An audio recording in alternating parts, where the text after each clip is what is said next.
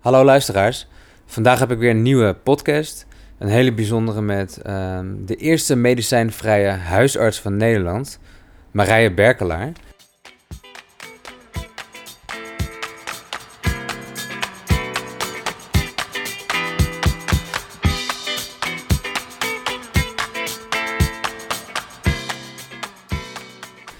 Ehm, zij kondigde op haar verjaardag 27 eh, september 2019 aan de eerste medicijnvrije huisarts van Nederland uh, te zijn.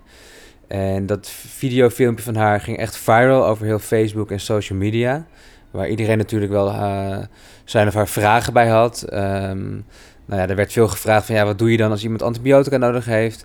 Um, ben je dan een homeopaat of werk je met kruiden? Nou, genoeg vragen natuurlijk. Ik zelf ben er ook ingedoken en ben zo ook op haar website ik ben mezelf.nl uh, terechtgekomen. Waarin zij mensen uitnodigt dichter bij zichzelf te komen en ook het zelfhelende systeem van mensen uh, te bekijken. Zodat mensen meer heel uh, kunnen worden als systeem en als mens. Um, vond ik een super mooie missie van haar. Hier gaat ze ook een platform voor creëren, zodat uh, soortgelijke mensen naar voren kunnen treden hierin. Ik zelf deel de missie ook om mensen meer bij zichzelf te laten komen. Um, ik doe dat natuurlijk voor de Demun Coaching op www.demuncoaching.com. Waarin mensen vanuit die plek van bij zichzelf komen kunnen ontdekken welk werk nou echt bij, zich, bij hun past. En door de vragen die ik stel help ik mensen te herontdekken waar ze echt goed in zijn, waarvoor ze nou echt in de wieg zijn gelegd en hoe ze dat werk in de praktijk kunnen gaan realiseren. Um, nou, ik was heel erg benieuwd naar Marije en ik hoop dat jij een leuke podcast hebt. En wil je daar nou meer van weten, kijk dan op de site van Marije. En wil je meer aan loopbaancoaching doen, maak dan eens een vrijblijvende afspraak met mij. En het zou leuk zijn als je deze podcast kan delen uh, of liken of abonneren op mijn kanalen op SoundCloud of Spotify. Dat helpt natuurlijk om de podcast in de toekomst uh, in leven te houden en dat ik nog steeds meer leukere, bijzondere gasten kan uitnodigen, zodat we samen op ontdekkingstocht kunnen gaan uh, in deze mooie wereld van persoonlijke ontwikkeling. Veel luisterplezier en uh, tot een volgende keer.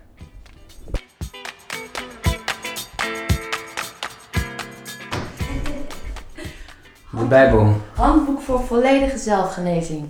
Oh, nou, dat is een mooie, mooie basis voor de podcast. Van de Tao. Is dat Tao Te Ching of is dat weer wat anders? Nee, dat is een, niet de Tao Te Ching, maar wel uh, vanuit het Taoïsme. Nice. Nou, ik ga gewoon maar gewoon ergens beginnen en uh, laat het gesprek gaan starten. Ben jij er klaar voor? Ik ben er klaar voor, ja. Oké. Okay. Nou, Marije Berkelaar, fijn dat ik uh, langs mocht komen in jouw mooie, bijzondere woning. Geweldig om je hier te hebben. Ja, leuk. Um, ik dacht er zelf aan om de, de podcast in twee delen op te delen. Dus ik wil beginnen met het, het, vraagstuk uh, medicijnvrije huisarts en wat het dan precies inhoudt voor jou en hoe je daartoe bent gekomen. Je bent natuurlijk viral gegaan op social media toen je dat aankondigde en dat is helemaal ontploft natuurlijk. Dus je bent er zelf misschien wel van geschrokken, maar dat was echt uh, goed opgepikt. Maar eigenlijk wil ik even bij het begin beginnen, want je bent natuurlijk op een gegeven moment geneeskunde gaan studeren, de huisartsopleiding. En waar ontstond nou dat idee van, hé, hey, dit kan ook allemaal zonder medicijnen? Ja, mooie vraag, leuk. Um, ik um, heb eerst psychologie gestudeerd, want ik was uitgeloot voor geneeskunde. Oh ja. En daarna, uh, psycho de, na psychologie heb ik geneeskunde gedaan. En ik heb al die tijd uh, ook in de sportschool met groepen mensen gewerkt. Groepslessen geven, spinning, bodypump. Ah, tof. En, ja, en Pilates ook. En daarna, um, uh, daarna heb ik één jaartje in de psychiatrie gewerkt. En toen ben ik met de huisartsopleiding begonnen. En eigenlijk tijdens de huisartsopleiding begon ik, zoals ik dat dan noem, wakker te worden. Um, dus niet meer alles wat geleerd werd en hoe de dingen gaan voor zoete koek aannemen.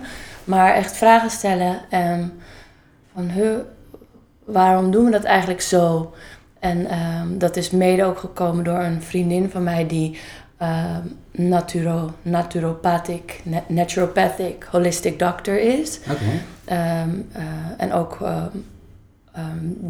dietitian.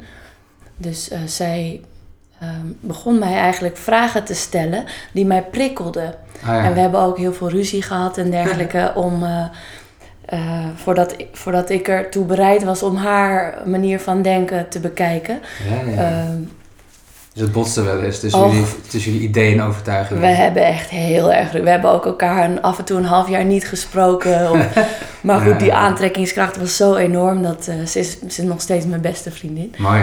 Ja. Ja. Maar zij heeft eigenlijk in mijn, zo noem ik dat, schild de eerste barsjes gemaakt.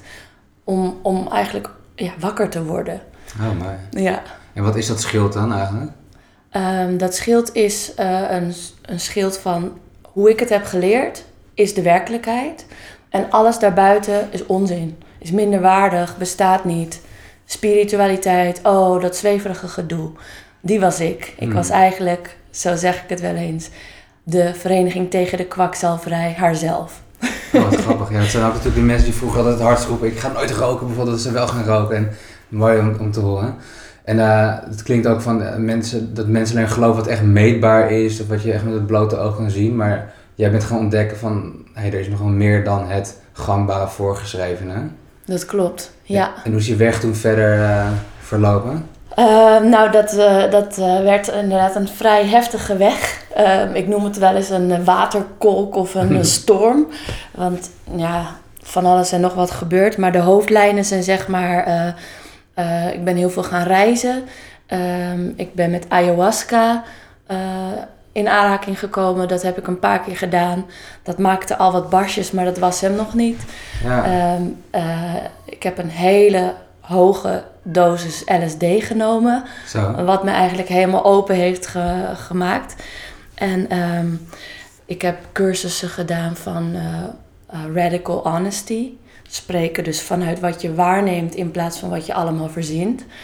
Ehm, en wat heb ik verder nog gedaan? Ik heb retreats gedaan, ben met mediteren begonnen. Ehm, ehm, ik heb nu ook bijvoorbeeld een goeroe die, die eh, doseert mij. Nou, ik noem hem goeroe. Ja, Hij ja. wil eigenlijk zo niet genoemd Dat is worden. jouw maar goeroe. Hij is Anthony Hagen en hij leert mij om mindstil te zijn. Ja, Dus niet mindful. uit de Advaita hij zei toch? Eh, Kan dat? daar komt hij vandaan. Alleen hij, hij, ja, de Advaita is ook alweer een eh, soort van stigma geworden. Met vaststaande dingen. Terwijl het leven is niet iets vaststaands. Het leven is niet. iets wat constant in transformatie is. Dus eh, zijn techniek, de mind stillness, gaat er eigenlijk om dat je jezelf, je mind, een open kanaal maakt. Mhm. Dus je er niet tussen gaat zitten met alles wat je eh, opgeslagen hebt in je mind. Ja, als mensen kleuren al graag eh, de realiteit in met ons uh, geloofssysteem en, en eh, gedachten natuurlijk. Ja. Dat is wel eens eh, belemmerend. Maar je noemt een hoop dingen, eh, ayahuasca, LSD, meditatie, een guru. Ja. Maar waar komt dan die honger vandaan dat je dacht van, eh, er is meer, ik zoek naar heelheid? Of, of wat is dan die zoektocht eigenlijk? Ja, mooie vraag. Eh, dat weet ik niet. En ik vermoed dat dat gewoon bewustzijn is. Puur bewustzijn wat, wat wil eh, eh, expanden. Ja, Ehm, hoe heet dat? Ja, vergroten, verbreiden. Dat wil bewustzijn natuurlijk altijd. Maar dat door die kleine barsjes was er echt een enorme drive in mij om de rest te ontdekken.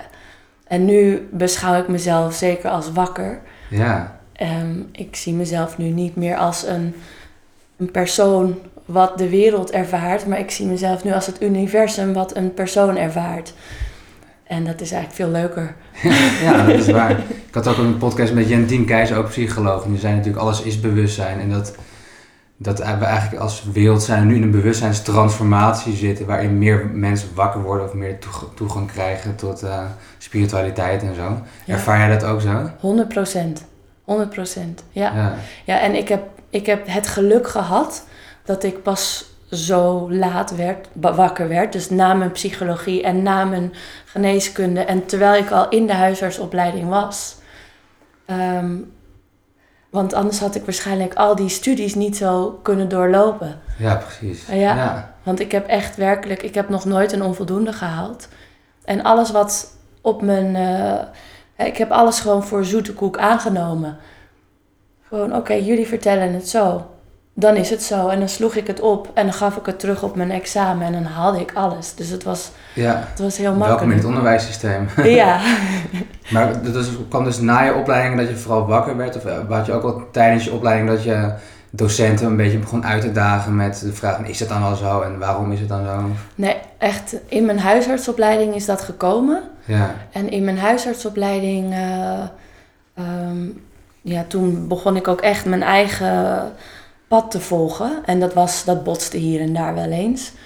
Ehm, dus daarom eh, besloot ik halverwege mijn derde jaar, mijn laatste jaar, dat ik eh, een break wilde. Mhm. Dat, en dat mocht niet, want in het laatste jaar die moet je gewoon aan één stuk doormaken. Maar ik voelde dat ik het wilde. En nou ja, toen is het dus uiteindelijk gelukt. Ook al zei iedereen dat het niet kon. Oh, wauw. Ja, en toen heb ik heel magischerwijs mijn man ontmoet. Ehm, heb ik een motorongeluk gehad in Amerika. En dat heeft ons heel erg bij elkaar gebracht. Want ik kende hem 23 uur, mijn man, op een festival ontmoet. Maar ik voelde, dit is het. Zo, En toen, heb ik, eh, toen is er heel spontaan een motor op mijn pad gekomen. Die heb ik gekocht. ja. En eh, toen ben ik op die motor naar, van Michigan naar New York gaan rijden. Tenminste, dat was het plan. Eh, maar het volgende wat ik weet is dat ik wakker werd in het ziekenhuis. Echt? En dat hij er was. Dus die, Bizar. die 12-urige rit eh, heb ik niet eens hoeven doen. En hij was er toch. En, Bijzonder. eh, ja. En ja, dat, dat zette sowieso wel alles in een, in een stroomversnelling weer. Want toen zijn we eigenlijk heel snel getrouwd. Samen. Die, ik had een jaar vrij, dus toen zijn we samen gaan reizen. En toen aan het eind van het jaar is hij meegegaan. Kijk aan. Dus ja, je hebt hem net Ja. ontmoet. Ja, ik heb een leuke man. Dus er zijn een aantal sleutelmomenten geweest eigenlijk die je wakker hebben gemaakt. wa- Wat het schild heeft doen afbrokkelen misschien. Ja, Ehm, je bent nu wakker geworden. Ja. Is, zitten er nog restjes schild eh, dat je nog af en toe denkt van... Hé, hey, ik twijfel toch, is het nou wel de juiste weg of zo? 100% niet. Ik twijfel geen moment. Uiteraard ben ik niet klaar, want anders zou ik gewoon tussen vier plankjes en weg. Dat eh, zou je oplossen. ja. of heet het zes plankjes. ja. Ja. Eh, ik ben natuurlijk niet klaar, maar ik heb geen twijfel. Ik heb geen enkele twijfel. Ja. Dat straal je ook wel uit geloof ik. Dank je. Ja. Ehm, hoe werkt het dan als medicijnvrije huisarts? En wat, wat doe je dan? Wat ben je dan? En wat, wat denk je en vind je dan allemaal als medicijnvrije huisarts? En ook nog de eerste van Nederland, of misschien wel wereldwijd, dat weet ik niet. Ja, ehm, nou, afgelopen zomer is mijn, eh, mijn huisartsopleiding tot een eind gekomen. Dus sinds afgelopen zomer ben ik eh, officieel huisarts. Ja, En ik eh, werkte, ik werkte in praktijken, dus ik doe waarnemingen en dergelijke. Dus als de huisarts ziek of op vakantie of iets dergelijks met zwangerschapsverlof is, eh, dan ben ik een van de huisartsen die komt waarnemen. En wat ik merkte, is het, het is ja, bijna het onrespectvol om te zeggen, maar het voelde voor mij als fabriekswerk. Elke tien minuten of soms als je geluk hebt een kwartier per patiënt. Hm. Je komt eigenlijk nooit tot de kern van wat er nou werkelijk speelt. Ehm, mijn arsenaal bestaat uit medicijnen voorschrijven. En als ik 10 minuten heb en niet tot de kern kan komen, nou, dan kom je heel vaak uit op dan maar een medicijn. Ehm, en daarnaast moet je ook eh, elke dag ehm, autoriseren. En daar voelde ik hem het meest. Autoriseren is het eh, herhaalrecepten accorderen. Dus je zegt oké, Ja. daar ben ik het mee eens. En dat is echt een half uur doorklikken eigenlijk op de computer. ja, ja. 100 pillen in die persoon, 100, 200 pillen in die persoon. En ik zat dat maar door te klikken. En ehm, elke dag dat ik dat deed, werd ik er misselijker van. Het echt afkeren tegen. Ik, ja, ja. Ik begon gewoon echt fysiek misselijk te worden. En laatst heb ik nog een keer een dagje in een praktijk. En toen dacht ik echt, ik ga overgeven. toen Dat is een duidelijk signaal van toen ben lijf. ik echt naar de wc gegaan van, oké, nu gaat het gebeuren. Nou, toen appte het weer een beetje in golven weg. Je weet hoe het gaat. Eh, maar ja, dit is echt een heel duidelijk signaal. En uiteraard, ik kan het negeren, ik kan het wegstoppen, ik kan het op een andere manier labelen. Eh, maar ik kies ervoor om er naar te luisteren. En Ja. in mijn beleving wordt dat beloond, werd dat beloond met zoveel eh, mensen die ehm, ja, zich verbonden voelen met mij. Want je begon het toen uit te dragen dat je ehm, zag dat het ook anders kon. Dat het niet meer is alleen symptoombestrijding of de mens, dat je de mens niet meer zag achter het pilletje, zeg maar. Maar hoe, hoe ben je dan zichtbaar geworden daarin? Nou ja, ik, ehm, ik had dus een beetje een gevoel van: ik, dit is niet wat ik, wat ik wil. Dit is geen, geeft mij niet voldoende vervulling. Ik wil anders, ik wil meer. en mijn grote droom nog steeds, en dat gaat ook gebeuren, is om jongeren mm of jongvolwassenen eigenlijk hun vrijheid terug te geven. Te zeggen, hé, hey, jij mag het leven op jouw manier doen. Tof. En jij mag elke stap van de weg op jouw manier doen. Je hoeft niet in het systeem te passen. Je hoeft niet te kiezen welke opleiding het best bij jou past. Nee, jij mag uh, het leven gewoon helemaal op jouw manier doen. En ik heb echt een heel diep geloof dat ieder mens in deze wereld um, iets unieks in zich heeft. Ja, dat geloof ik ook wel. En als hij of zij het pad van zijn unieke zelf uh, loopt, dat hij dan in zijn kracht en in zijn waarde gaat. Dus dat dan alles naar je toe komt. In plaats van dat je er heel hard 40 uur per week of meer voor moet werken. En dat je dan zorgen moet maken om alle andere touwtjes nog bij elkaar te knopen. Ja, mee eens. Je moet het toch van binnen naar buiten doen en niet van buiten naar binnen. Voor goedkeuring of, of omdat het zo hoort, weet je. Je moet gewoon je eigen kleur bekennen en daarachter staan. En dat is voor jongen zeker een ontwikkelingstocht die uh, te gaan heeft. En dat is ja, voor iedereen zo anders. Met vallen en opstaan. Dat is juist ook wat het leven natuurlijk is. Helemaal. jezelf vinden. Of jezelf doen eigenlijk. Want je, je, hoeft niet eens te vinden, want het is er al. Maar er zit allemaal laagjes van beschaving of cultuur of uh, maskertjes omheen. Waardoor je niet meer uh, doet eigenlijk. Of vindt of Juist. voelt. En daar mag je gewoon vanaf. Die mag je gewoon loslaten. Maar veel jongeren, uh, dat is eigenlijk hetgene wat ik zelf gemist heb.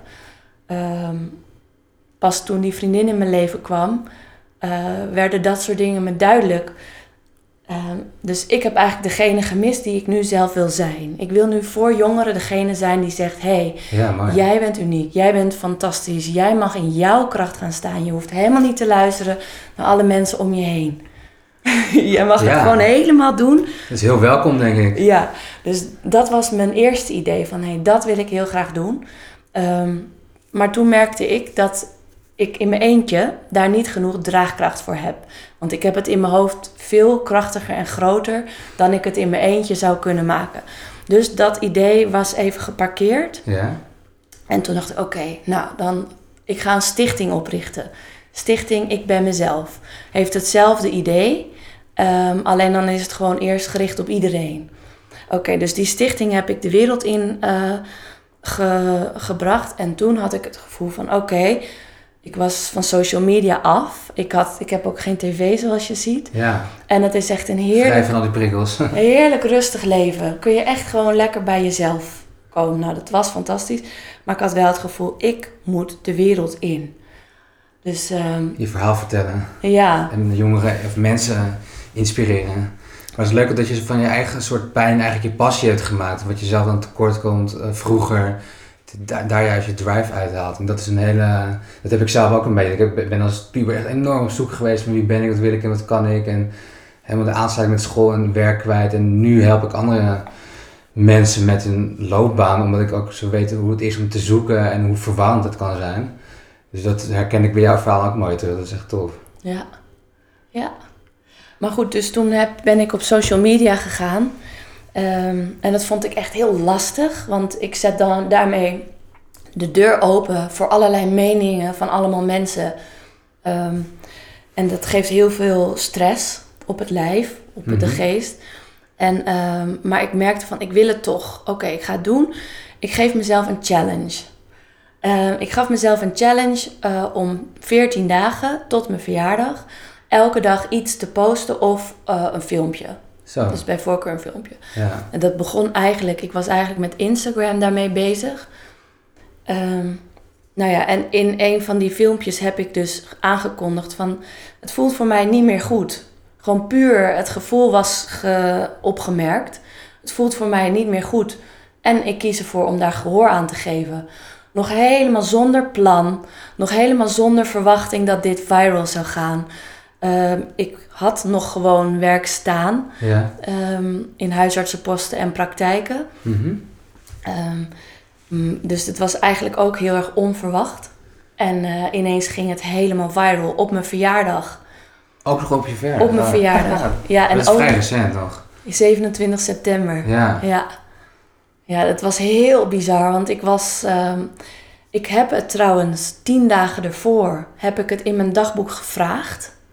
Heb ik in mijn dagboek soort van eh, reversed engineering noem ik dat. Ja. Dus dat je zegt, ik ben zo dankbaar en eh, overweldigd dat ik dit en dit en dit heb meegemaakt. Dus dan zet ik eigenlijk in verleden tijd hetgene wat ik wens. Maar wat er nog in de toekomst zal kunnen plaatsvinden, zeg maar. Ja. Ah, ja. Maar dan tune je eigenlijk alvast in op het gevoel Ja, wat daarbij hoort. Dus Maar- ik had tien dagen voordat, ik, voordat dit gebeurde, heb ik het in mijn dagboek geschreven. Dat ik door honderden mensen ontdekt zou worden. Dat honderden mensen naar me wilden luisteren en ehm, naar mijn visie wilden kijken. wauw, dat is echt wel bizar. Ja, Het doet me wel erg denken aan Dr. Joe Dispenza, die heb ik recent ontdekt. Nou, eigenlijk ken ik hem al eerder van de film What the Bleep Do We Know. Dat is ook eh, met de kwantumfysica en zo. Maar hij zegt ook dat je door visualisatie eigenlijk je neuronennetwerk al programmeert voor een bepaalde toekomst. En hij zegt ook the best way to predict the future is to create your future. En dit, wat jij nu schetst met je dagboek, dat is precies wat hij bijna wetenschappelijk heeft onderbouwd. Dus dat je al een positieve uitkomst visualiseert met alle emoties erbij zodat je al ontvankelijk bent voor dat moment en dan daarmee creëer je eigenlijk al een positieve toekomst. Dus dat is bizar hoe dat eigenlijk werkt. En dit is er een e- extreem voorbeeld van. ja, precies zo. Ja, Ja, ja, eh, ja, ik heb meerdere dingen gemanifesteerd. En toevallig mijn man, drie dagen voordat ik mijn man heb ontmoet, heb ik hem heb ik precies beschreven. Uit het niets is er ineens op mijn pad gekomen deze geweldige man. Ik voel me zo en zo en zo. En hij maakt mij zo en zo en zo. En, eh, wauw. ja, en toen was hij er. Binnen drie dagen was dat. Echt bizar. Maar doe je dat uit een soort meditatie of is het gewoon een soort hele bewuste moment? Oké, nu pak ik mijn boek en nu ga ik even live craften, zoals het misschien heet. Of Ja, ja hoor. Ja, ja. dat doe ik eh, regelmatig. Gaaf. Ja. Maar is het dan ook iets, want je bent dus medicijnvrije huisarts, is het dan ook iets wat je met je kandidaten of cliënten of je zo benoemd doet, zulke dingen? Eh, dat zou ik wel willen doen. Ja. Want wat doe je eigenlijk precies? Want heel veel mensen hebben mij ook gevraagd, goh, hoe werkt het dan medicijnvrije huisarts? En kan je eh, praktisch gezien uitleggen hoe dat werkt? Ja. Ehm, nou, het is natuurlijk zo, ik ben huisarts en ik stop met medicijnen. Dus daarmee ben ik al überhaupt een medicijnvrije huisarts. Ja, Eh, ik ben voorlopig niet van plan om een praktijk te openen, wat heel veel mensen verwachten. En dat heeft ermee te maken dat één, ehm, het is niet mijn passie om eh, in één op één voor iemand te zitten in, het, in, het, in de structuur zoals die nu bestaat. oké. Ehm, mm, dus dat. En daarnaast, ik kan geen continu- continuïteit bieden. Dus als je je bij mij zou inschrijven en ik zou een praktijk hebben, ik kan niet beloven eh, dat ik alle patiënten kan behandelen. Ik kan niet beloven dat ik eh, eh, voor altijd een praktijk zal hebben. Ik heb onvoldoende collega's om het aan over te dragen. Die, dus ik moet eigenlijk eerst een heel strak netwerk van ehm, eh, collega's. Ja, ja, ja. En dat is aan het gebeuren. Dus dat is heel erg mooi. En daar ga ik me eigenlijk ook op richten. Ehm, dus voorlopig ga ik ehm, de weg gewoon vrijmaken. Meer bekendheid geven aan het zelfgenezend vermogen. Meer bekendheid geven aan eigenlijk het netwerk van hulpverleners wat medicijnvrij werkt. Wat er al bestaat. En dat netwerk is, naar ik vermoed, vele malen groter en vele malen sterker dan de artsen, dan de regulier werkende artsen. Dat is echt ehm, maar zo'n kleine fractie van wat er te halen is in Nederland. ja. Er hoe werkt het? Dat is, de netwerk is sterker. Wat bedoel je daar precies mee? Ehm, daarmee bedoel ik dat eh, ze zichtbaarder mogen worden. Kijk, nu als jij op een niet-medicamenteuze manier eh, toch met jouw ziekte om wil gaan, ehm, dan kun je vaak door de boom het bos niet meer zien. Klopt. Er is zoveel, waar begin ik, met wie, wie is goed, wie niet.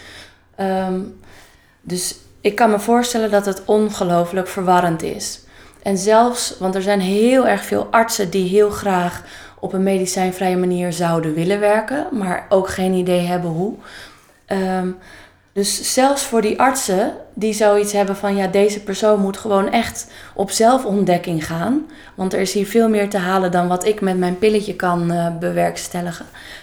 Um, zelfs voor die artsen zou het heel fijn zijn als er wat duidelijkheid komt, als er wat overzicht komt in de medicijnvrije opties.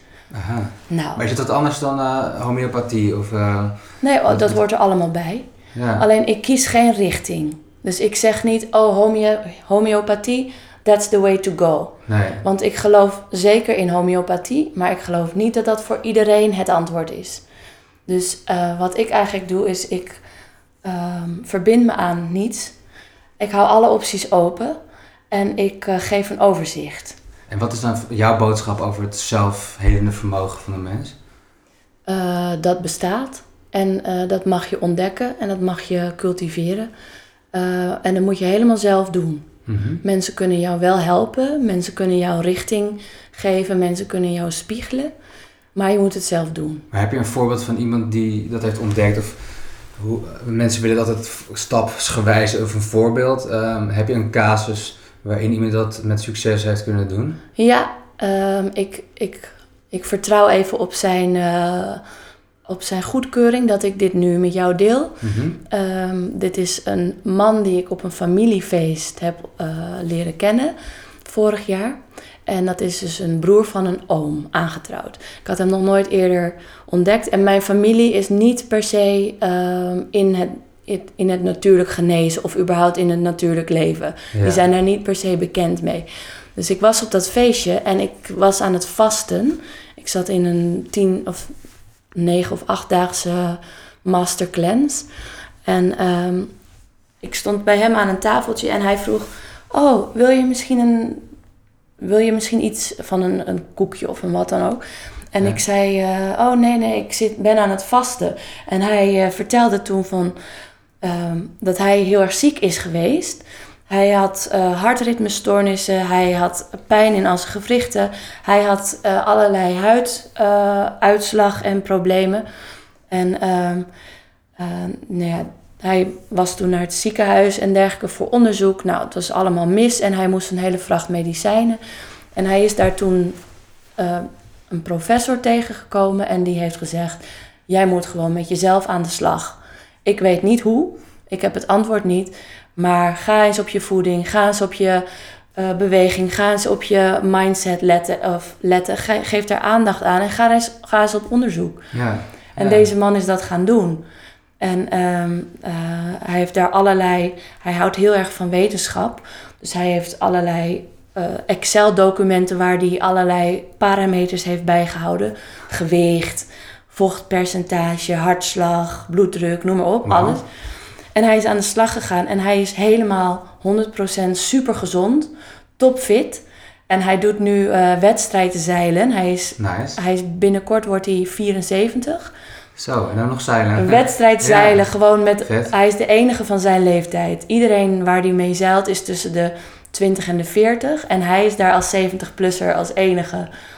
Hij is gewoon topfit en dat doet hij allemaal zelf.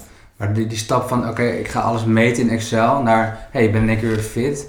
Daar zit nog best wel wat tussen natuurlijk. Van waar ligt dan de winst voor? Of hoe ontdek je van, oh, ik moet meer uh, groenten of ik moet meer bewegen of ik moet met mijn mindset noem je ook. Ja. Hoe, hoe, hoe moeten mensen dan daar uh, een weg in vinden? Ja, uh, het mooie is dat je lijf geeft je directe feedback. Ja. Um, en vaak is het ook van, hé, hey, waar gaat mijn interesse naar uit? Wat, op welk gebied van mijn leven durf ik te exploreren? Dan zeg ik, ga daar beginnen. Ga daar beginnen. Ga eens gewoon kijken. Um, en natuurlijk voeding, beweging, uh, alle, alle fysieke manieren om met je lijf om te gaan die vind ik eigenlijk vanzelfsprekend. Dat zou een vanzelfsprekendheid moeten zijn dat je goed voor je lijf zorgt. Mhm. Dus dat je ook uh, jezelf niet overwerkt, dat je niet uh, heel gestrest bent de hele dag of dat je niet dat je, af en toe ook aandacht hebt voor je ademhaling, voor je houding, voor beweging, voor nou, hè, dat, dat, dat hoort bij mij gewoon een vanzelfsprekendheid te zijn. De basis. De basis, ja, Ja. En wat daar bovenop komt, zijn diepgewortelde emotionele en gedachtenprocessen. Ja, En ik geloof dat daar nog heel veel meer, zo dan niet alle winst te behalen is. ja, dat geloof ik ook. Want je kan jezelf echt ziek denken natuurlijk door de gedachten die je hebt. De angsten die je jezelf wijs maakt. Waardoor je langdurig stress in je lijf hebt en noem maar op. 100 procent, ja. Ja, dus een mindset noem je al. En ik denk dat die echt super waardevol en belangrijk is. Mensen hebben een pilletje in, maar bedenken niet misschien van oh, hoe zit het met je emoties en in je gedachtenleven. Maar is dat dan ook iets waar je mensen handvatten in geeft en hoe je gezonde gedachten en emoties kan krijgen bijvoorbeeld? Of je daar niet te veel mee identificeren met die gedachten, dat je dat los kan laten? Precies. Ja, dat zijn allemaal manieren eh, om daarmee om te gaan. En wat, wat ik nu ga doen, ehm, ik ga dus niet één op één coachen voorlopig. Ehm, wat ik ga doen is, eh, ik zoek eerst een bestuur voor stichting Ik Ben Mezelf. Ja, En dan wil ik onder stichting Ik Ben Mezelf een overzicht bieden. eh, dus door middel van een app van alle manieren van eh, het zelfgenezend vermogen. En dan niet, niet per se de manieren, maar vooral de mensen die daarmee bezig zijn. Mhm. Ehm, en alles is eigenlijk welkom. Ehm, Dus dus je wil echt een netwerk creëren van mensen die iets kunnen betekenen in eh, het zelfgenezend principe of het zelfbewust worden. En dus eigenlijk, wat is, dat, nou, wat is het resultaat daar eigenlijk van als ik het even van jou vraag, als mensen meer zelfbewust leven? eh, dat is pure winst. In de zin van mensen die meer zichzelf zijn, mensen die meer naar hun essentie leven, zijn gelukkiger, gezonder, vrijer ehm, en eigenlijk voorspoediger. Alles gaat beter. Ja, Ja. En dat betekent niet dat die mensen vrij zullen zijn van ziekte of nooit meer dood zullen gaan. Want voor iedereen eh, ligt dat in de toekomst. Echt Ja, ja, ja. iedereen. Het enige is dat als jij daar op een lichtere manier mee om kunt gaan. Ehm, en het kunt zien als een uitdaging en als een uitnodiging tot nog meer groei in bewustzijn. Dan, eh, ja, dat is eigenlijk waar, waarvoor we hier zijn natuurlijk. Dan leef je mooi. je essentie. En zou je dan zeggen van je moet meer controle over je leven nemen of juist, je moet juist alle controle loslaten?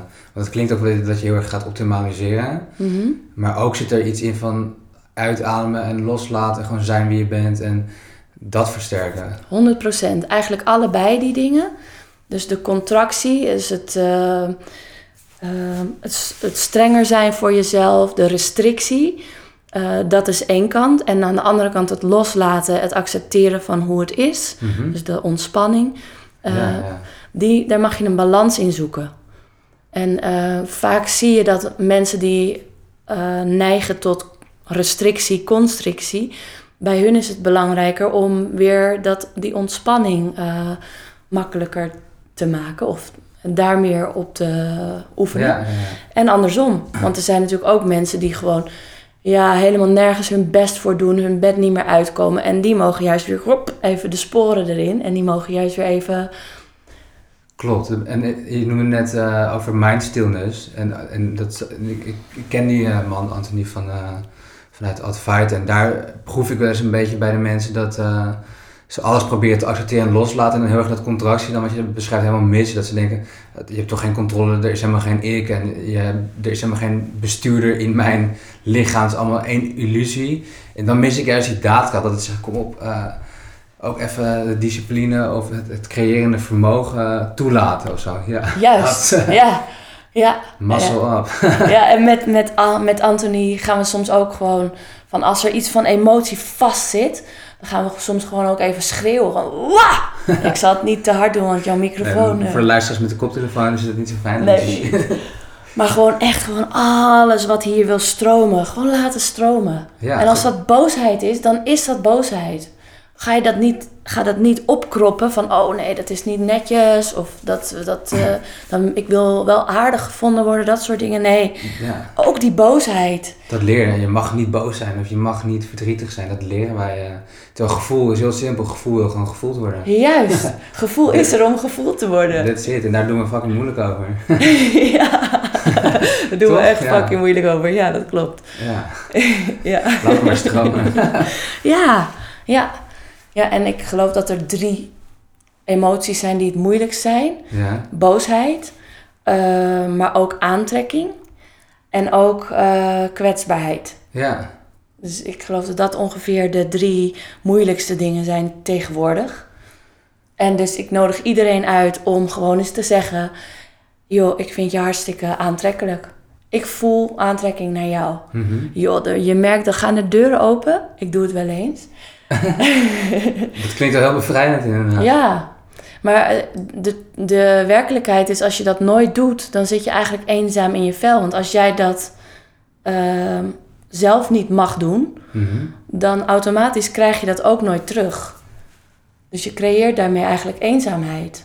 Mm, dus je, bent, je, je cijfert jezelf ook een beetje weg dan, misschien bedoel je? Ja, als, Jij, als jij niet mag zeggen dat je aangetrokken bent tot iemand, ehm, dan cijfer je jezelf inderdaad weg.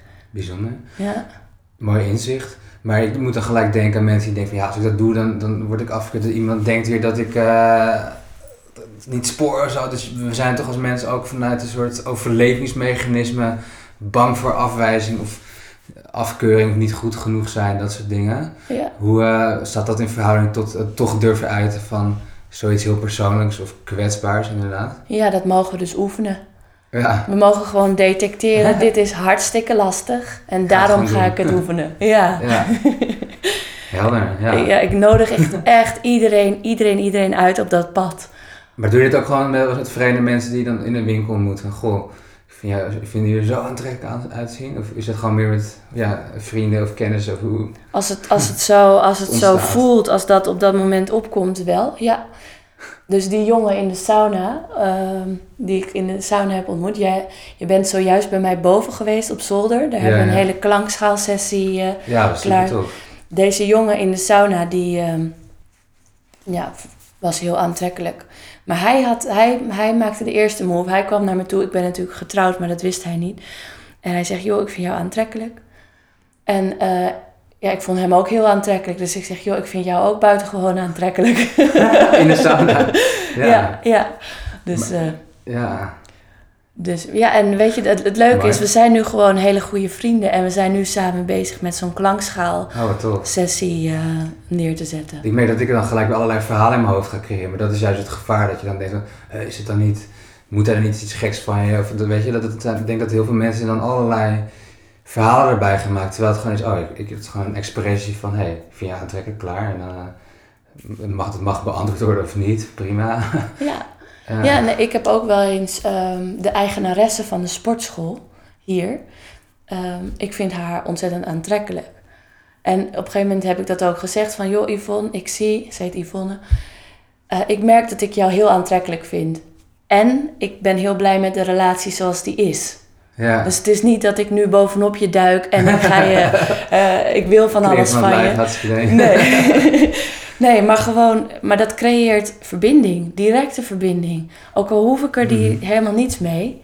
Het hoeft niet natuurlijk seksuele aantrekking te zijn per se. Dus. Nee, Ja. nee ja, Maar dat soms moet- heb je gewoon mensen die je ziet en dan voel je meteen een soort veilig gevoel bij. Of een soort, ja, dat- dat je daar een soort eh, prettig gevoel bij hebt. En dat kan je natuurlijk niet verklaren. Soms is het niet eens door het uiterlijk of zo, maar gewoon eh, ja, door een bepaald de gevoel van energie of wat dan ja, ook. ja, ja, ja. Ja, bijzonder.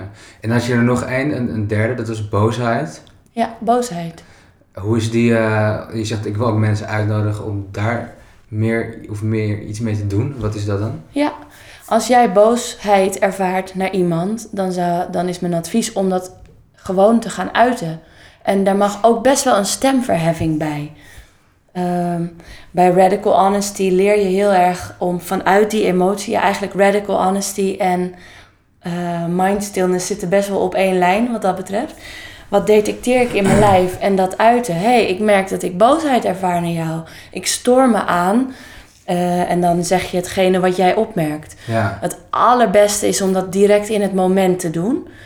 Eh, want wat wij ook heel veel, veel doen, is we creëren allerlei verhalen in ons hoofd. Van, ja, ik, ik ben boos op jij omdat jij altijd zo en zo en zo en zo doet. Maar dat is niet zo, want deze persoon gaat ook wel eens naar de wc en ook wel eens naar bed. En als hij dat doet, doet hij het dus niet altijd. ja. dus je, Ja, ja, ja. als je zegt, jij doet altijd dit en dat, heb je per definitie ongelijk. ja. Dus je moet het in het hier en nu brengen en gewoon eerlijk zijn naar je ervaring, zonder dat je daar een filtertje weer overheen legt. Van, Ja. oh shit, het moet wel aardig zijn, het moet leuk gevonden worden. ja, En je moet het dus ook niet opsparen en dan in één keer aan het eind van het jaar even die put opentrekken. Ja, toen deed je dit en je zegt het, luistert nooit, je doet dit, dit, dit. Dat moet je dus ook niet doen. Maar gewoon in het moment critical, nee, wat zei je nou? Honesty? radical honesty. Radical honesty, radicale eerlijkheid. Juist, ja. Ja, Ja, Dat mooi waar. hoor. Die, die cursussen die worden ook gegeven af en toe in Nederland. Dan ga je zo'n weekendje eh, helemaal eerlijk zijn met elkaar en Oh, dat echt oefenen. En dat heeft me ook echt heel veel gebracht. ja, Want je merkt direct, als ik het toepas in het, in het leven, het is een verbindende manier van communiceren. ja. Als je dat zo zegt, dan krijg ik gelijk zo'n enerzijds een spannend gevoel in mijn lijf, maar anderzijds ook wel iets van, wauw, mooi om gewoon heel helemaal eerlijk en hier kan er superveel over jezelf van leren. Dus het is een beetje zo'n soort, dan is het meestal voor mij een signaal dat het iets waardevols is. Als je het een beetje spannend vindt, maar ook exciting, zeg maar. Eh, ja, inderdaad. Ja. If it doesn't scare you, eh, ja, it's not big enough. Ja, precies. En dat boosheid is ook heel belangrijk, want zonder boosheid heb je ook geen daadkracht. Dus mensen die niet boos mogen eh, zijn, die hebben ook minder initiatief of minder daadkracht of creatiekracht, eh, geloof ik, in het leven. Dus je moet je ergens voor boos kunnen maken, hard voor maken. En dat is ook best wel goed af en toe. Ja, 100%. Ja. Ja. Maar ook met de balans van naar mildheid toe natuurlijk. Ja, en eh, wat, wat, wat, wat eigenlijk de ervaring is, is dat achter die boosheid zit een mildheid. Ja, Alleen die boosheid moet er eerst uit. En als je heel langdurig boos blijft en dat allemaal opspaart, dan word je gewoon kil, koud, hard, zuur. Dat soort dingen. ja dan wordt het echt een moed en die moed wordt weer een temperament of zo. Maar het kan Ja. ook gewoon echt opgeslagen emoties kunnen gewoon in je lijf eh, ziek worden. Verhardingen, kanker. Ja. Kanker? Ja. hoor. Vanuit verharding? Ja, 100%. Ja hoor. Hoe werkt dat proces dan? Nou ja, eh, ik kan het op verschillende manieren soort van benaderen. Ja, Maar ehm, ja, op, ik kan het op oneindige manieren herhalen, ehm, uitleggen. ja, Maar ja. bijvoorbeeld op de antroposofische manier eh, wordt gezegd... we zijn ehm, allemaal bewustzijn, een geestelijk wezen. En eh, dat bewustzijn dat geeft orde aan het fysieke. Dus eh, Je vormkracht eigenlijk. vormkracht, juist. En dat deel waar die vormkracht niet aanwezig is, dat kan zijn eigen gang gaan. Mhm. Dus dat is vaak een deel waar je niet hebt gekeken, waar je... Waar geen aandacht eh, Ja, naar uitgaat. en dat kan zijn eigen weg gaan bewandelen. Dus dat raakt uit die balans van die vormkracht. Ja. Ja, ja, ik vind het wel interessant. Ik heb zelf vroeger op de vrije school gezeten, dus dat antroposofische is er met- bij mij wel in, eh, ingeslagen toen. Al toen, toen begreep ik er helemaal niks van, maar eh, op latere leeftijd ga je toch weer eens wat lezen of weer eens wat horen. Of, mijn opa was ook veel mee bezig en zei ook van, het is ook bijzonder eigenlijk dat ons stoffelijke lijf gewoon uit dode materie bestaat als je het op moleculen eh, bekijkt. Maar toch is er een soort levenskracht die dat vorm geeft en vorm blijft houden. En, en eh, dat is gewoon wel heel, heel bizar, dat systeem. Ja, Als je dat bedenkt, van waar komt dat leven dan vandaan, die dode materie in, in stand houdt. Want als je sterft, gaat je de materie los gaan op in de natuur. Omdat het in strijd is met de natuurwet. En de natuur wil gewoon homeostase van. En toch is er een kracht die, daar, die dat daar tegenin vormt eigenlijk. En dat is wel bijzonder. ja, 100% ja, mooi hè? Dat is wel heel mooi, ja. Ehm, je hebt ook nog een onderwerp op je site staan. Ik heb natuurlijk even ge- gecheckt van tevoren. Over grenzen aangeven had je. Ehm, en je gedachten, de basis, daar hebben we al wel wat over uitgediept. Ehm, maar wat fascineert je zo aan grenzen aangeven?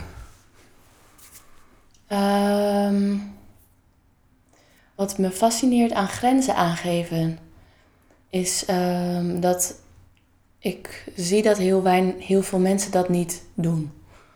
Eh, en ook eigenlijk niet meer goed voelen waar hun grenzen zijn. Dat heb ik natuurlijk ook. ehm, in meer of mindere mate. Maar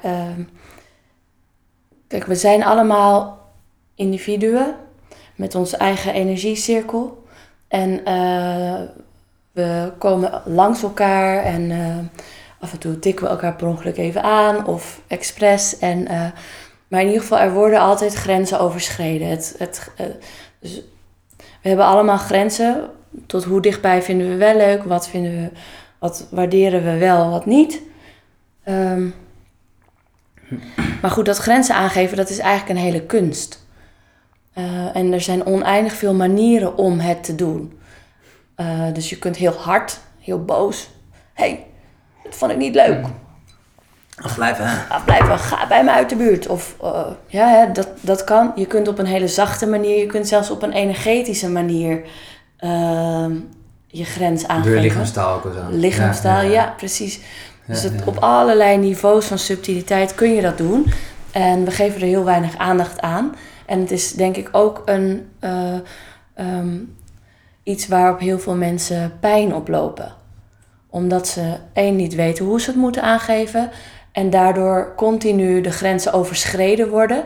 Waardoor mensen een soort van in de slachtoffermodus raken. Ja, um, ja, ja. En ze hebben geen idee, omdat ze überhaupt niet weten hoe dat grenzen aangeven werkt. Uh, hoe ze er dan weer uit kunnen komen. Uit die slachtofferrol. Ja. ja. ja. Dus ja, dat intrigeert me behoorlijk. En uh, dus daar heb ik toen een, een, workshop over gegeven. Was heel erg heftig. Ook met fysieke oefeningen zo? Hoe gaat het Ook dan? met fysiek, ja. Uh, nou ja, we hebben eerst gewoon geoefend met nee zeggen. Omdat als je natuurlijk een paar keer nee zegt... op allerlei toonhoogtes en naar, naar mensen of gewoon in de... Maar als je gewoon vijf minuten spendeert aan nee zeggen... dan is die pathway in je hersenen naar nee zeggen is al ja. iets meer open. Precies. Dus dan als er, binnen, als er dan iets langskomt waarvan je het gevoel hebt van nou eigenlijk wil ik nee zeggen, dat heb je dan nog recent geoefend. Dus nee zeggen is dan al iets makkelijker. Het zit letterlijk in je systeem dan. Ja, ja. dus nou dat is een van de oefeningen. En verder hebben we ook geoefend met uh, geen verklaring geven. Want heel vaak als bijvoorbeeld iemand iets wil van ons en wij willen het eigenlijk niet, dus dan wordt ons gevraagd om een grens aan te geven, dan gaan we in de ja. verdediging. Dus dan gaan we zeggen: nee, ik wil het niet, want ik moet toch nog dit doen en eigenlijk heb ik ook nog zo en dit. Maar het hele zeggen: uh, nee, uh, nee, dat doe ik niet. Ik herken het heel erg. Mijn vriendin doet dat, die gaat wel overal een verklaring voor geven, omdat ze dan bang is dat het stom is dat ze nee zegt. Terwijl ik heb heel erg geleerd van, ik, ik heb een soort van tool eigenlijk, dat is gewoon van nee, ik voel me hier niet prettig bij, ik uh, komt gewoon niet uit klaar. En dan hoef je inderdaad helemaal geen verklaring te geven. Ook met die straatverkopers bijvoorbeeld, die zeggen ook, mag ik even voor je tijd een krantje, dit en dat. En dan zeg ik ook wel eens, nee, sorry, hier voel ik me niet prettig bij. En dan loop ik gewoon door dan is het me nog nooit gebeurd dat ze vragen waarom niet. En als je dat anders zegt, van nou, ik weet niet, ik lees niet zo vaak de krant of zo, of ik heb geen tijd, dan is het, oh waarom niet, mag ik toch nog even dit? En dan gaan ze toch weer over je heen lopen. Ja. Nee, sorry, je voelt me gewoon niet prettig bij. Dan is het echt altijd gewoon klaar. Ja, heb je dat soort dingen ook op de, midden, op de vrije school geleerd? Nee, dit was echt in mijn minor coach en trainer van uh, op, een opleiding toegepaste psychologie. Daar heb ik oh, dat. Ja. Want ik had een hele leuke vrouw die, die minor gaf. Daar heb ik dat van geleerd van mij. Dat is me nou heel goed bijgebleven. Ja. Het werkt echt. Ja, het, en, het voelt heel lekker ook. Het, voelt heel krachtig en trouw aan jezelf. Ja, ja precies. Ja, en Vera Helleman, die, daar ben ik laatst uh, naartoe geweest van, van een lezing. Zij is ook uh, coach, schrijft veel boeken over emotie, de emotie-encyclopedie en zo. En zij zei van ja, als je gewoon merkt dat je afkeer tegen iets hebt, net zoals dat je een rotte tomaat zou zien op je aanrecht, dan denk je wel van, uw vies, bah, uh, wat, ga ik niet opeten. En dat soort gevoel heb je ook in de situatie als je eigenlijk je grens wil aangeven. Dat je denkt van, hé, hey, bach, het is niet pluis hier. Maar dan uh, eet je het toch op vaak of zo met andere mensen. Dus dan kan je het ook gewoon voelen van, nou, hier heb ik afkeer tegen, klaar, dit doe ik gewoon niet. Je lichaam geeft toch alweer aan wat je nodig hebt. Dan. Ja, nou, heel mooi voorbeeld van die rotte tomaat. Want je kunt je natuurlijk ook voorstellen dat als je eigenlijk voelt, uh, nee... Maar als, je dan, maar als je dan zoiets hebt van ja, maar sociaal wenselijk gezien moet ik, toch, moet ik het toch wel doen. Dat je dan eigenlijk uh, op energieniveau rotte tomaten in je lijf aan het stoppen bent. En er zijn ja, zoveel ja. mensen die dat gewoon de hele tijd doen. Ja. En, en dan vraag je af, hé, hey, waarom ben ik ziek? Ja, omdat je energetisch gezien gewoon heel veel rotte tomaten hebt gegeten. Precies, ja, ja. Zo gaat het dan. ja, mooi voorbeeld. Ja. Ik schenk nog wat thee in. Voor jou ook? Een uh, klein beetje nog. Rotte tomaten, ja. Zijn er... eh, ik kan me voorstellen toen je viral ging ook, dat, dat er veel mensen natuurlijk eh, van alles van vinden of een mening hebben. Zijn er bepaalde vragen die mensen hebben gesteld waarvan je dacht van, hé, hey, daar moet ik nog eens goed over nadenken. Of hey, die kritische noot, hey, hoe zit dat eigenlijk? Of dat je toch eh, ja, twijfelde over iets of zo. Kan je daar iets over zeggen? Ja, Ehm, de vragen die ik het zelf het lastigst vond, waren vragen zoals: ehm, ehm, Ja, maar wat doe je dan bij, die, bij dat geval? En ja, maar wat doe je dan bij dat geval? En wat ik daar zo lastig aan vind, is dat de eh, verantwoordelijkheid dan elke keer bij mij, dus bij mij neerkomt. Dus dat ik voor iedereen eigenlijk eh, de sleutel moet hebben of het antwoord moet hebben. En ehm, dat is eigenlijk precies hetgene ehm, wat ik om wil draaien. Ik heb op niemands vraag een antwoord. Ik geloof dat dat ook helemaal niet kan. Ik kan eh, mijn best geïnformeerde gok geven. Van nou, Educated guess. educated guess, ja. Eh, die kan ik geven van nou, hè, waarschijnlijk is dit het. Maar het antwoord zul jij alleen ervaren. Ehm, dus ik heb geen vast antwoord wat voor iedereen goed is. Nee, nee. En elk mens is weer anders. En bij elk mens ligt de pijn of de, de eh, opbouw van de ziekte weer op een andere manier.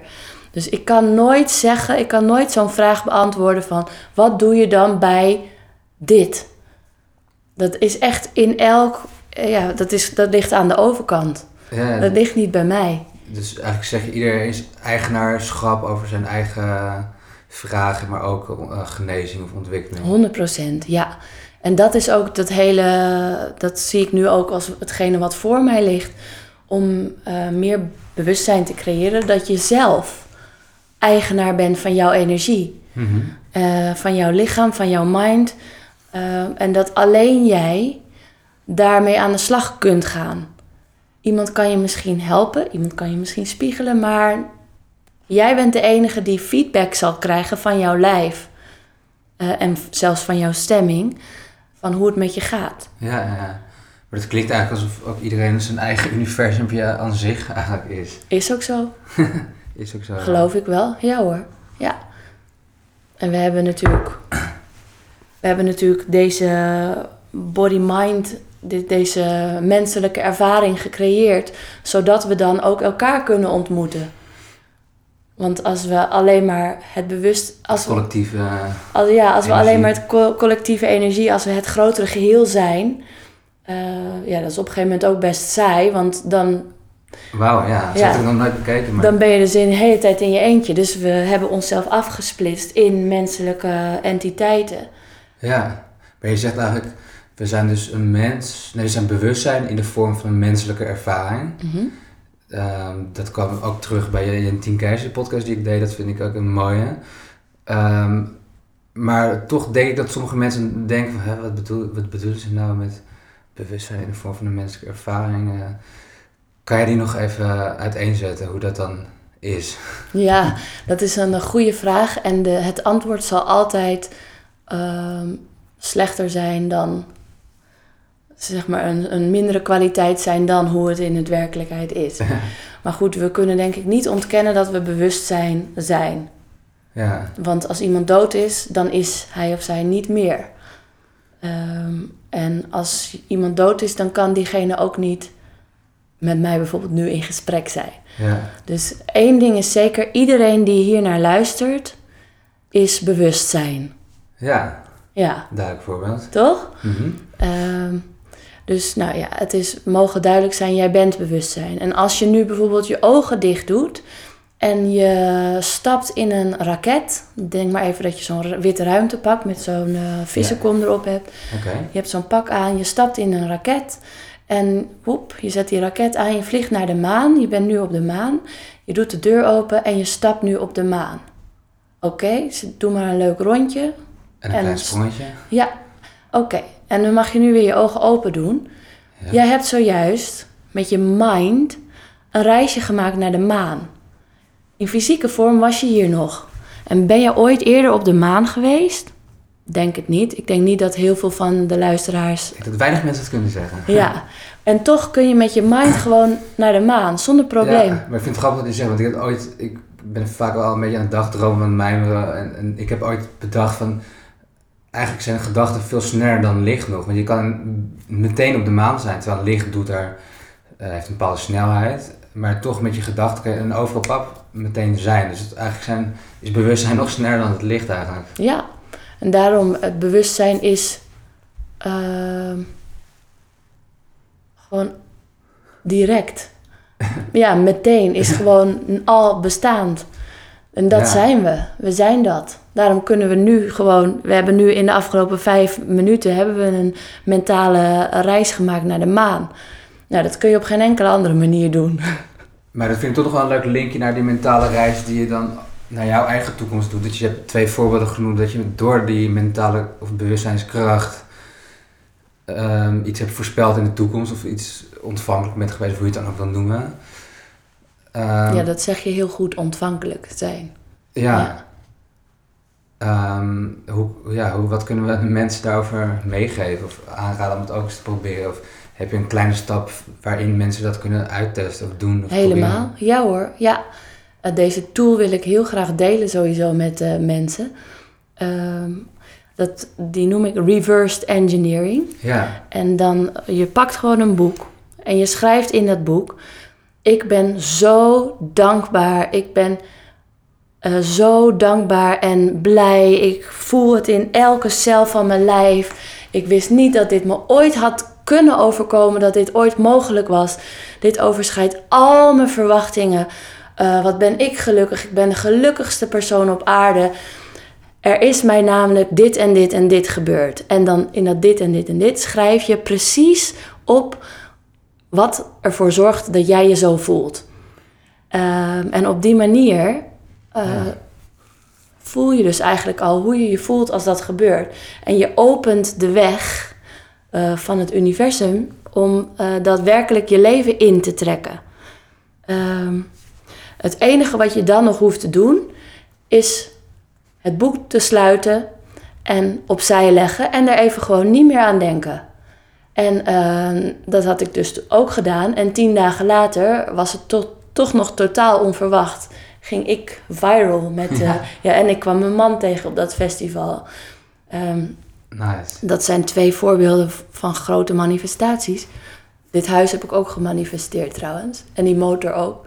Ja, dat is echt... eh, Ja, dat is echt... eh, maar goed, dus zo simpel is het. Je eh, zorg er in ieder geval voor, want je emotie is je aantrekkingskracht. En het universum wil dat jij optimaal gelukkig bent. Mhm. Dat is een mooie intentie. Ja, het universum wil dat jij optimaal gelukkig Maar je bent. moet het wel zelf doen. Ja, nou ja, je moet er zelf voor openstaan. Ja, precies. Want ehm, als jij in je hoofd hebt, dit kan nooit gebeuren. Of dit bestaat niet. Of eh, dit verdien ik niet. Of eh, nou ja, dat soort blokkerende gedachten. Als jij die gedachten gelooft, dan uh, uh, jouw brein zal altijd bevestiging zoeken voor hetgeen Klopt. waar jij in gelooft. Ja, ja. Dus als jij dit soort dingen nog gelooft, van ik, ik, hè, wat ik net zei, um, dan zal jouw brein dat willen bevestigen. En dan zal hetgene jij wil dus niet gebeuren. Ja, dat is zo'n zo'n moeilijk systeem. En dat blokkeert zoveel mensen. Omdat ze inderdaad bevestiging zoeken van wat ze al voor waar hebben aangenomen. En dus gelijk krijgen. En dan wordt het weer zo'n krachtig cirkeltje van zie je wel, dit is gewoon realiteit. Bam, zo zit het. Ja. Maar je hebt altijd gelijk. Dus als je denkt dat het kan wel, zal je zien dat, dat je gelijk krijgt. Als je denkt nee, het kan nooit. Dan krijg je ook gelijk. Dus je hebt altijd gelijk in dat keuzemoment, in het begin, zeg maar. Ja, ja en weet je, dat soort blokkades, ik heb ze ook heel erg gehad. Ik had vroeger, ik was ervan overtuigd dat ik niet, in het Engels kan ik het beter zeggen, I was not worthy of love. Ja. Uh, en uh, nou, dat manifesteerde zich keer op keer. Ja, natuurlijk. En uh, ik had ook de, het idee dat ik geen, dat mensen eigenlijk niet bij mij in de buurt wilden zijn. of niet wilden samenwerken met mij. Of als ze me zouden leren kennen, dan zouden ze uh, niets meer, of niets meer, of in ieder geval niet veel met me te maken willen hebben. Dat soort gedachtepatronen had ik. Dat was ook een deel van mijn schild, denk ik. Ja, ja. Um, daar moet je gewoon echt mee aan de slag. Ja, iedereen heeft wel zo'n, ja, ik noem het een afweermechanisme, wat je dan toch in je jeugd creëert. En iedereen moet daar toch uh, zijn eigen weg in gaan vinden. Ja. Voor, voor de ene is het dan wat jij beschrijft, de andere is heel erg aan het pleasen omdat ze maar leuk gevonden willen worden. En de andere is, kruipt in zijn schulp, en de andere is heel erg schreeuwerig. Of wat dan ook, het kan allerlei kanten op gaan natuurlijk. Ja. Maar wat is het verschil tussen dat um, uh, reverse engineering en eigenlijk wat heel veel mensen doen die religieus zijn, bidden? Het is echt gewoon precies hetzelfde. het enige is dat misschien bij bidden uh, soms vanuit een slachtofferrol, zeg ja, maar. Ja, ja. Zo van, ja, uh, ja, ja, het leven overkomt mij en, uh, en oh wat vervelend. En ook, ik geloof ook dat alles wat uit een slachtofferrol, uh, dat heeft heel weinig kracht. Klopt. Omdat die hele blije, hele gelukkige emotie, dat is de grootste aantrekkings, aantrekkingsbron. En niet van, oh ik voel me zo rot, oh god, bespaar me alsjeblieft de andere ellende die ook nog op me weer wacht. Ja. Als je dat, als je dat doet, ja, dan manifesteer je eigenlijk precies hetgene wat je zegt. Alle ellende die op je wacht. Ja, ja, ja. Ja, want lage, lage emotie, dus verdrietige emotie, trekt verdrietige emotie aan. Ja, Ja, ja, precies. Ik vind het wel even grappig om te merken. In het begin zei ik, ik wil het in fase 1 en 2 doen, maar dat is totaal niet gelukt. Want het is, ik zei, je zei al van het eigenlijk is het misschien meer een geheel en dat, dat blijkt maar weer. Dus dat vind ik wel even leuk om op te merken. Ehm, we zitten al bijna op een uur. Ehm, zijn er nog thema's waarvan je zegt, dat wil ik nog even aan het licht brengen? Ehm, nou thema's niet, maar ik heb eh, wel eh, een, een wens. Een wens, maar. Een wens. En eh, ik wens voor alle luisteraars van dit kanaal dat je op zoek gaat naar die kern die je werkelijk bent, die oneindige potentie, die overvloedige liefde die jij bent. En, ehm, en ik wens je heel erg veel plezier en ontzettend mooie ontdekkingen op dat pad. Nou, dat is een hele mooie wens. Ja. En eh, die, die kern of zo, dat noemt Adriaan Hoogendijk, die had ik ook in de podcast, die noemt dat de creatiebron. Of vanuit waar de inspiratie zich openbaart en je, je kracht gewoon mag zijn en zo. En eh, ik gun ook mensen om dat gewoon meer toe te laten en eh, daar, daarna voor te durven staan. Ieder heeft zijn unieke kleur of unieke licht of zo. Ga er maar eens mee spelen. Juist. Ja. Go out and play. Zo is het. Heel erg bedankt voor dit inspirerende gesprek. Dan sluit ik af met wat eh, praktische zaken. Waar kunnen mensen jou vinden mochten ze hier nog veel meer over willen weten, kijken, volgen, lezen? Ehm, eh, dat is een leuke vraag. Ik heb de stichting Ik Ben Mezelf. Dus www.ikbenmezelf.com. En mijn persoonlijke aandeel daarin komt op puurmarije.nl. Oh ja. En eh, ben, je, nog- je bent, ben je nog wel of niet actief op social media? Je zei, ik ben er even van af. Ik ben er even vanaf, dat klopt. En ik kom binnenkort met een YouTube-kanaal Oh, naar ja. buiten. Dus je gaat me zien. Nice. Oké, heel erg bedankt voor het luisteren. En jij heel erg bedankt Marijn voor dit mooie gesprek. Graag gedaan. Yes.